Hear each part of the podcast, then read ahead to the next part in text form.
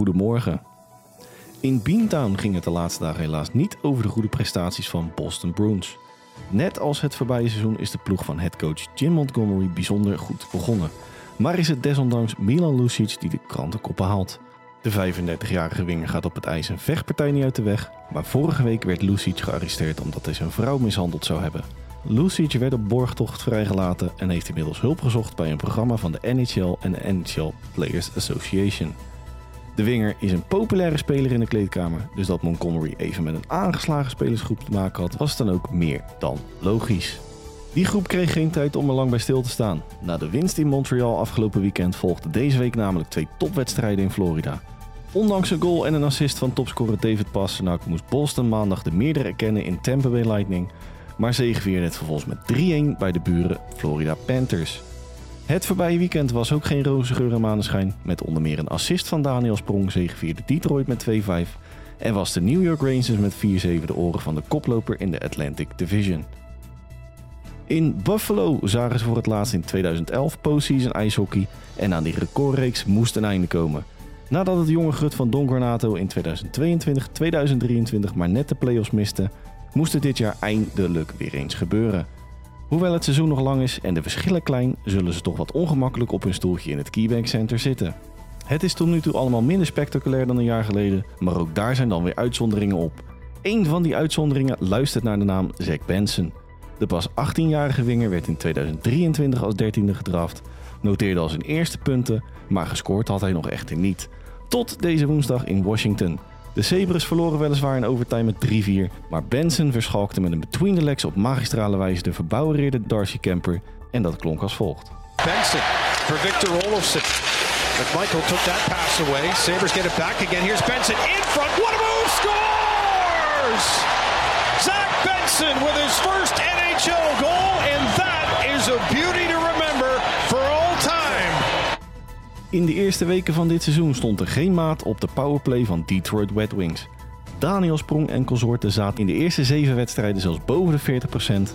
Maar na die grens stortte niet alleen de powerplay zich in een vrije val, maar liepen ook de resultaten van de Red Wings wat terug. Hoewel Detroit zich nog altijd in prima kringen begeeft, zagen ze teams als Florida Panthers, Tampa Bay Lightning en Toronto Maple Leafs in de stand voorbij flitsen. Sindsdien scoorden de Red Wings slechts vier keer in 46 pogingen. En een van die goals scoorden ze deze week tegen New Jersey Devils, die de manschappen van Derek Lalonde met 4-0 wonnen. Onbewust maakten ze daarmee een cirkel rond. De Red Wings waren op 24 april 2022 namelijk de laatste die de Devils van scoren hielden. Want New Jersey begon daarna aan een reeks van meer dan 100 wedstrijden waarin ze minimaal één keer het net vonden. John Klingberg zien we voorlopig niet in het shirt van de Toronto Maple Leafs terug. De 31-jarige Zweed kampt volgens de club met de nodige pijntjes en die zijn blijkbaar ernstig genoeg om de Blue Liner op de long-term injury reserve te plaatsen. Op 11 november speelde hij zijn laatste wedstrijd en daarna werd het stil rond de man die in 2015 nog vijfde werd in de Calder Trophy. Stil was het ook op het scoreformulier voor Klingberg, want dit seizoen staat de teller op slechts 5 assists. De verdediger was ooit een belangrijke schakel op de powerplay van Dallas Stars, maar verkeert de laatste jaren niet in zijn beste vorm. Klingberg gaat naar de LTR en Connor Timmins zal zijn plek in de defensie innemen. Hiermee is een kwestie van tijd voordat de jonge Alex Steves zich in de NHL mag melden. Steves presteert al langere tijd goed voor de Toronto Marlies en werd ooit undrafted door toenmalig GM Cal naar Toronto gehaald. De fans van Pittsburgh Penguins hadden zich dit seizoen wellicht ook iets anders voorgesteld dan de huidige prestaties op dit moment. De zwart-gele formatie werd na de blockbuster van Erik Karlsson gezien als een belangrijke outsider voor de playoffs, maar staat op dit moment net boven de punt 500 grens. Gedragen door de usual suspects Yevgeny Malkin, Sidney Crosby en Eric Carlson heeft de ploeg van headcoach Mike Sullivan nog flink wat wind in de zeilen nodig. Als klap op de vuurpijl kwamen daar afgelopen dinsdag nog eens twee tegenvallers bij. Want zowel Brian Rust als Rickard Raquel haakten na de ochtendtraining geblesseerd af. Waar de diagnose van Brian Rust tot op heden day-to-day is, lijkt Raquel met een upper body blessure er voor langere tijd uit te liggen. Het seizoen voor Raquel was tot op heden erg matig, maar de productie van Rust werd in de wedstrijd tegen New York Rangers nodig gemist. Op de first line met Crosby noteerde de 31-jarige Amerikaan reeds 16 punten. Blueliner Ryan McDonough keerde afgelopen woensdag terug in de line-up van Nashville Predators. De 34-jarige Amerikaan stond sinds 2 november met een lower body blessure aan de kant en maakte in de 4-2 overwinning tegen Calgary Flames zijn rentree. Herenigd met lijnmaatje Roman Josie noteerde McDonald direct twee assists.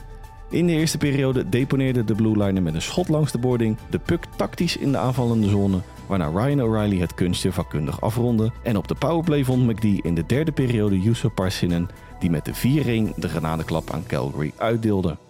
Het is overigens niet het enige lichtpuntje voor headcoach Andrew Burnett.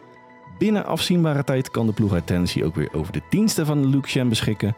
De Blue Liners speelden tot dusver alleen in de openingswedstrijd tegen Tampa Bay Lightning, maar haakte met een lower body blessure geblesseerd af. Na vier tot zes weken toekijken staat de van Toronto overgekomen Canadees weer op de tocht voor een terugkeer. Chicago Blackhawks heeft afgelopen week één van haar belangrijkste krachten dit seizoen zien wegvallen.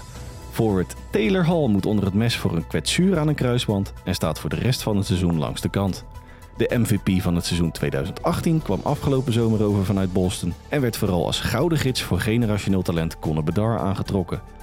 Na een valse start door een schouderblessure was de zo gewenste link tussen Bedard en Hall meer dan terug te zien en samen met Corey Perry en Nick Foligno liet de first overall van 2010 de ster van de 18-jarige Canadees stralen. En tot dusverre noteerde Hall twee goals en twee assists. Het was overigens niet de enige bittere pil in Chicago. Corey Perry was tegen Columbus Blue Jackets een healthy scratch en headcoach Luke Richardson gaf na afloop geen openheid van zaken omtrent de situatie van de 38-jarige forward. Het front office bracht een statement naar buiten waarin over een organizational decision werd gesproken. En ondanks het wegvallen van de twee krachten blijft headcoach Luke Richardson positief vooruitkijken.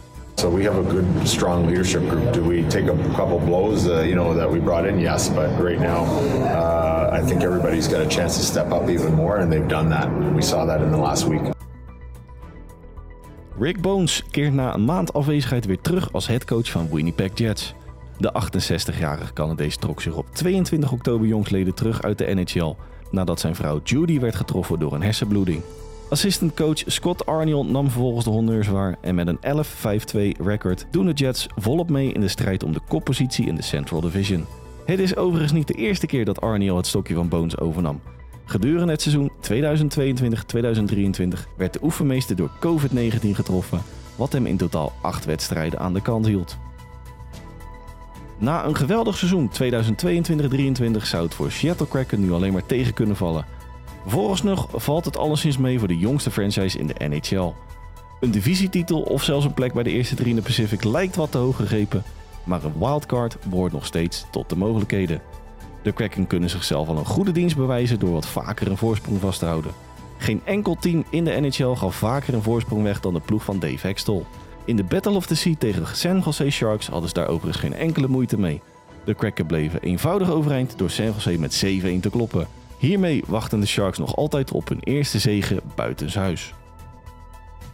Hiermee zijn we aan het einde gekomen van de derde NHL Nieuwsbulletin. Aankomende donderdag vindt u oud en vertrouwd aflevering 63 van de NHL Powerplay podcast weer op de bekende podcastplatformen. Voor nu wens ik u nog een hele fijne dag, dan wel avond en graag tot volgende week bij aflevering 4 van de NHL Nieuws Bulletin.